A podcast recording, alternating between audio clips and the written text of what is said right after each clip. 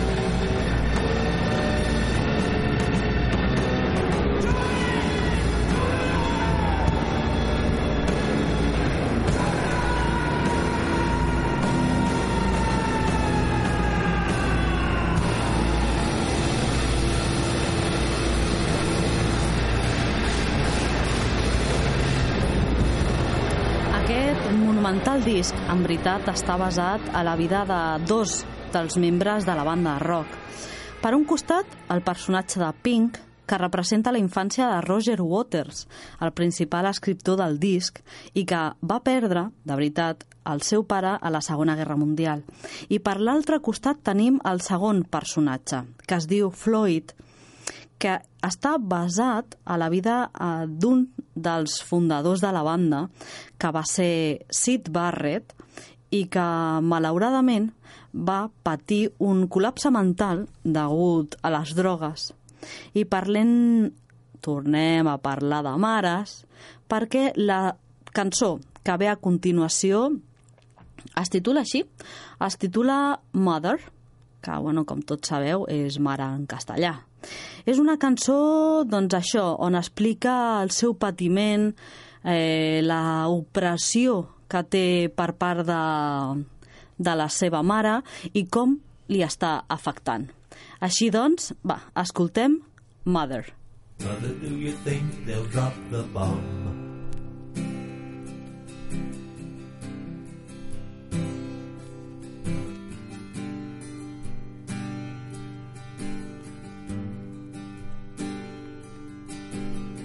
Mother, do you think they'll like this song?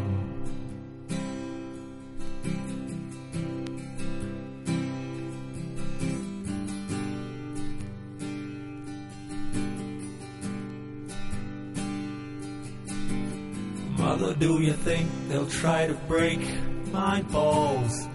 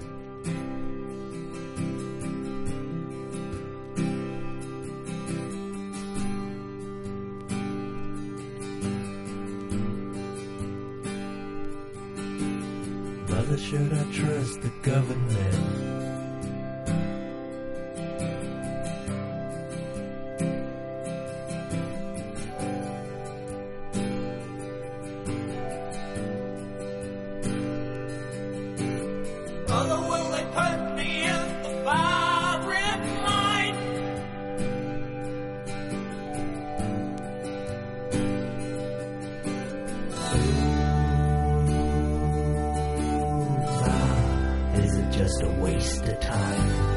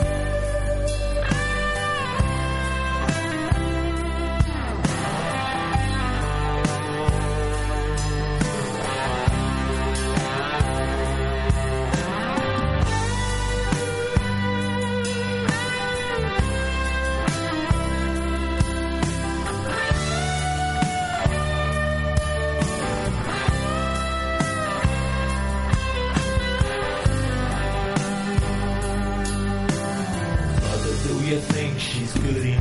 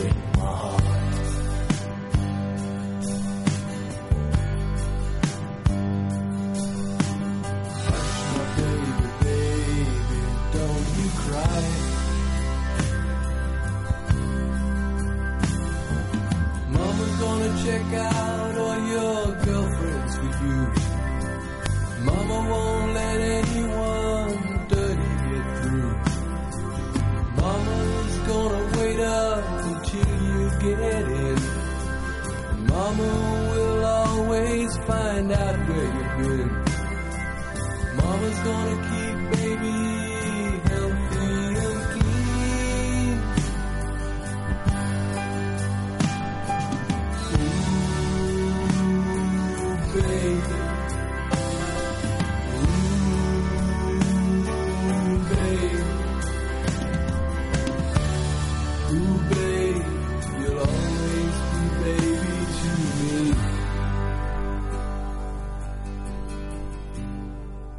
Rock and Rolla amb Sigrid Galindo.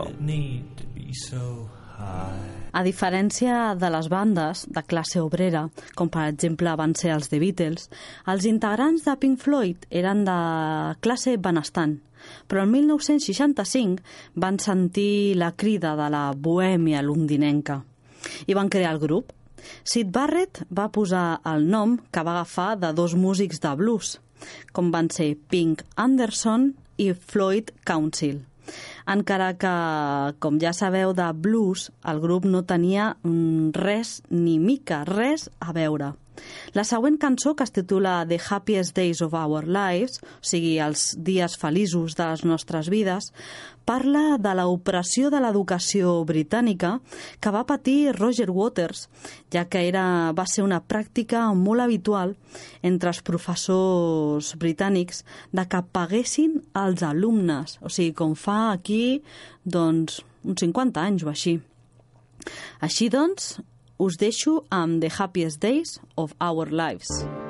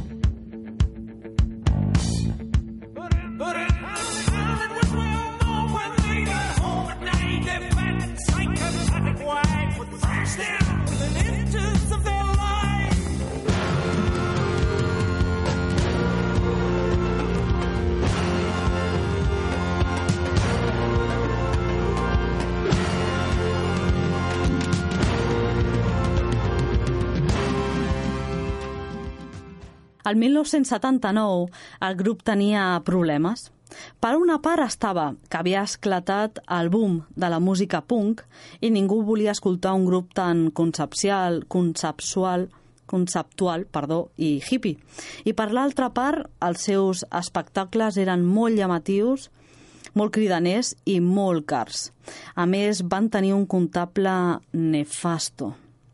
Explica la, la llegenda que el dia 6 de juny de 1977, a la última nit de la seva gira Animals, Roger Waters va escopir a un fan. Aquest incident va deixar el mismíssim Roger Waters molt trasbalsat, ja que ell mai va pensar que, que arribaria a aquests extrems i va decidir canviar per complet aquella part de la seva vida, una mica doncs, eh, descontrolada. Us deixo amb Young Lost per vosaltres i continuem. Stranger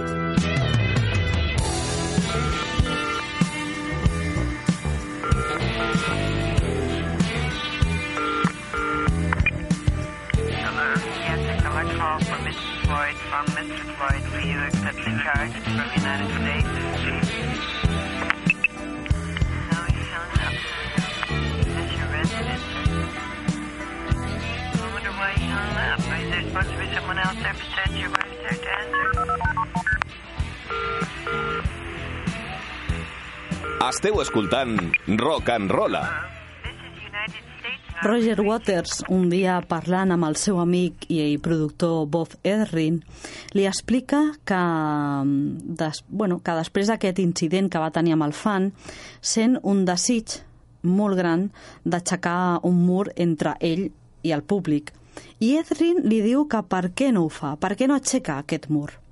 18 mesos després, Roger Waters presenta a la resta del grup dues maquetes.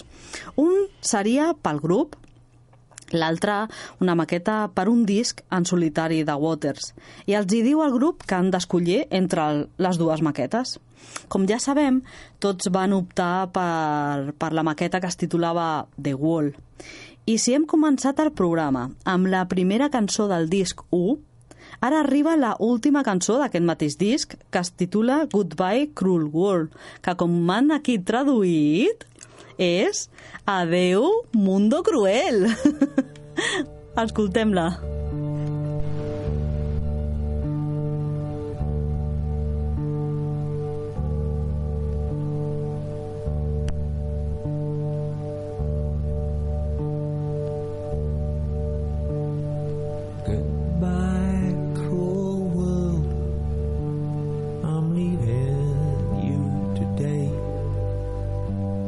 Goodbye,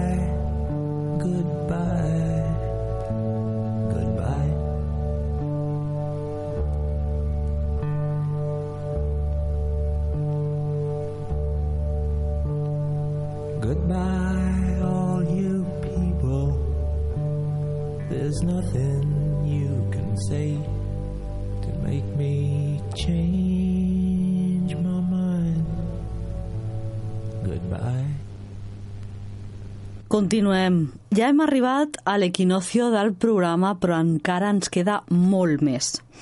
Hey You és el tema que connecta el disc 1 amb el disc 2, o sigui, les dues parts de la gran història que està contant.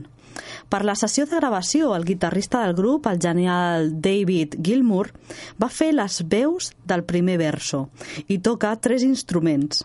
En canvi, Roger Waters només canta, cap instrument. El tercer integrant del grup, que es diu Richard Wright, toca els seus sintetitzadors i el quart integrant, Nick Mason, toca la, la bateria.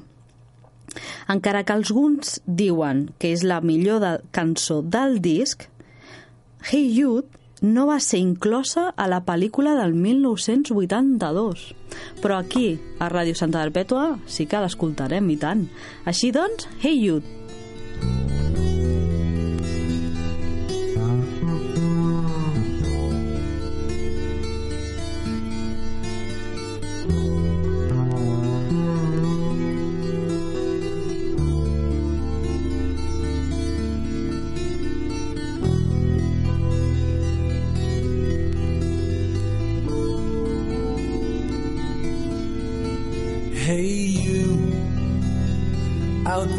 cold, getting lonely, getting old, can you feel me? Hey, you. Standing in the aisles with itchy feet and fainting smiles, can you feel me?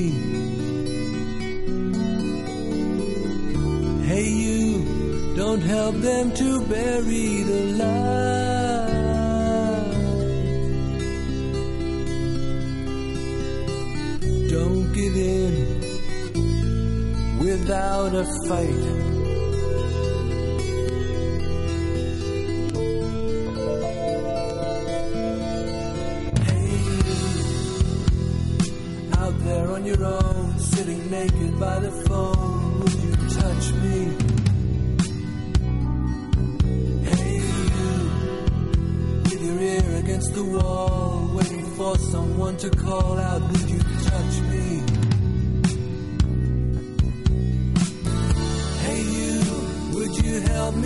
carry?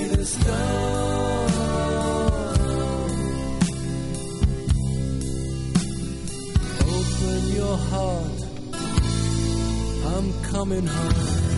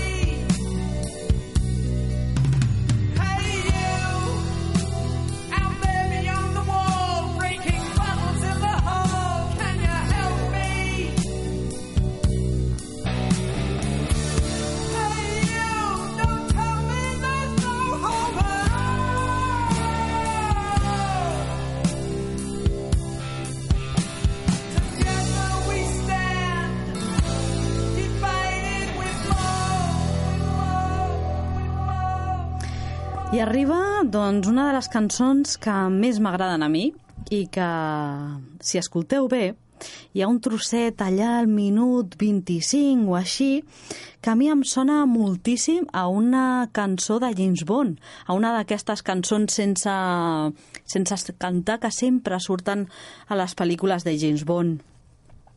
La gravació del disc eh, va ser doncs, tot una guerra interna i on el productor Bob Errin feia de mediador entre Roger Waters i entre la resta del grup. Finalment, va, Roger Waters va acomiadar a Rick Wright del grup i els altres no van poder res, dir res més, o sigui, no van tenir opció a la queixa. El disc es va gravar en tres estudis, situats a Londres, a la Costa Azul i a Los Angeles. Qui fos artista per anar a la Costa Azul. Però bueno, vinga, va, us deixo amb la cançó bueno, que a mi m'agrada moltíssim. Is there anybody out there? O sigui, hi ha algú allà fora?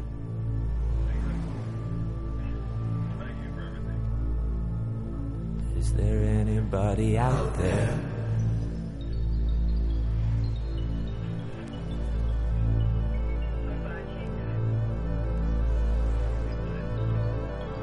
Is there anybody out there?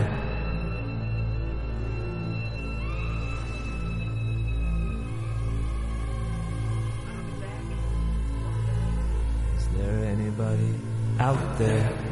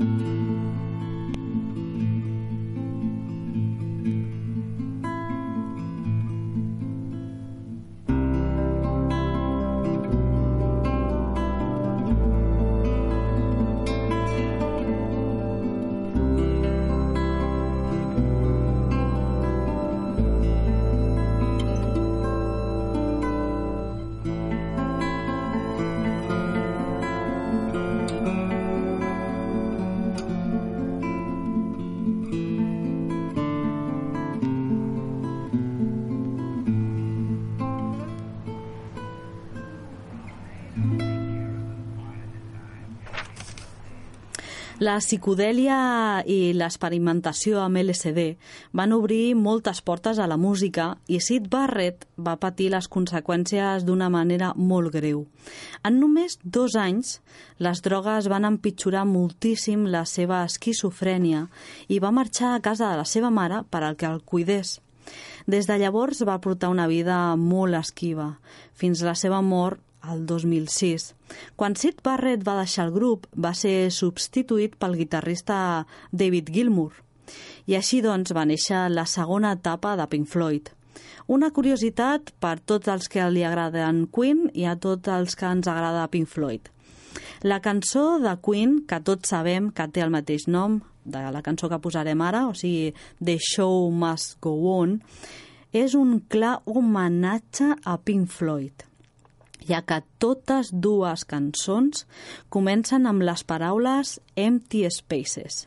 Escoltem, doncs, la versió o la cançó, la primera cançó, que va ser la de Pink Floyd, The Show Must Go On.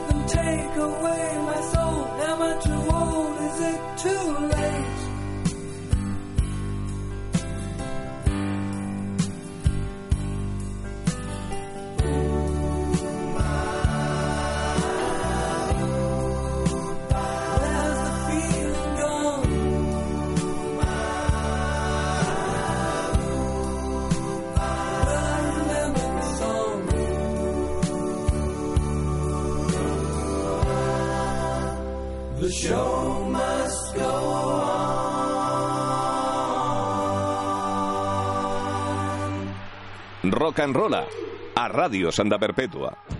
No podeu dir que aquesta cançó, encara que sigui curta, és maquíssima. I anem per una altra.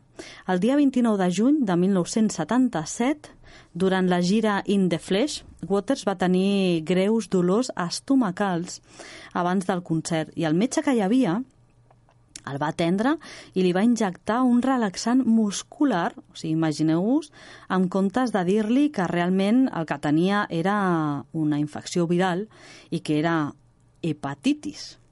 Aquella nit, Waters va tocar amb les mans i el cos adormits per la medicació. I una curiositat. Durant els concerts de la gira, mentre que Roger Waters apareixia a l'escenari vestit de metge, David Gilmour apareixia a dalt de tot del mur dins d'un ascensor hidràulic. Gilmour sempre ha dit que per ell aquell moment era el seu preferit de la gira. I us deixo amb aquesta cançó que segur que l'heu escoltada, escoltada moltíssimes vegades i a vegades a bandes sonores. Es titula Comfortably Numb.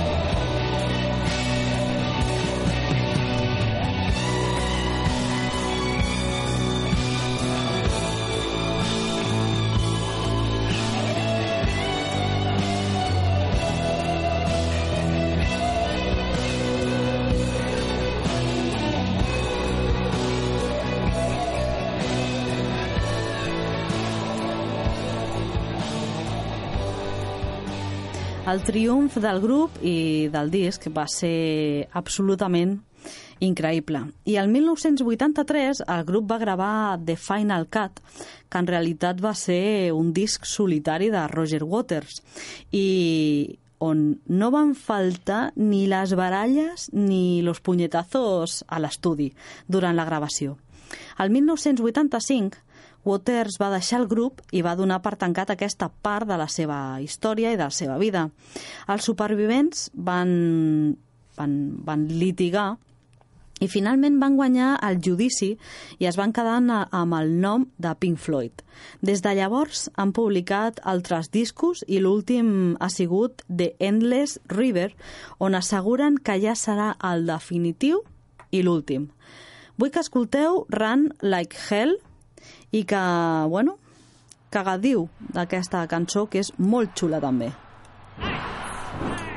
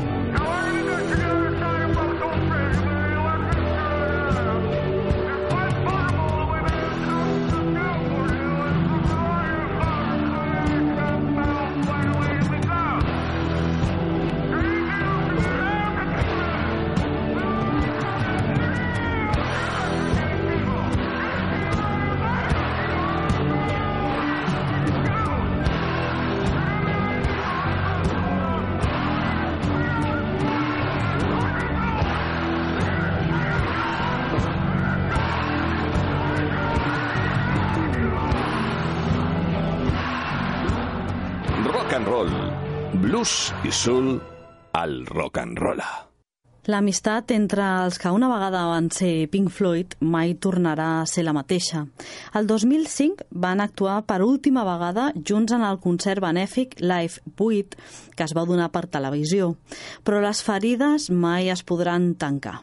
A una entrevista que els hi van fer a David Gilmour i Nick Mason, tots dos van dir que quan Roger Waters va deixar el grup es van sentir molt i molt alleujats.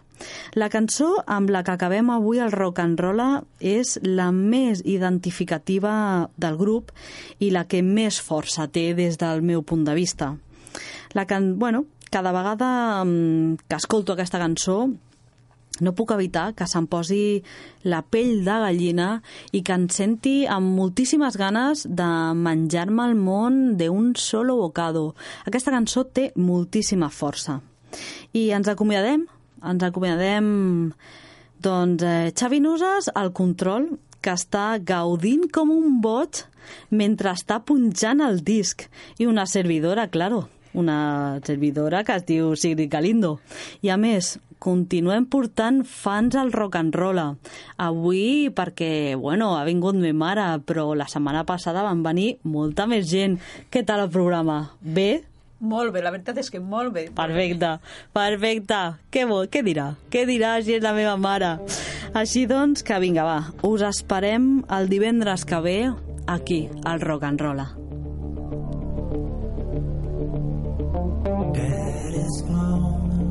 Across the ocean.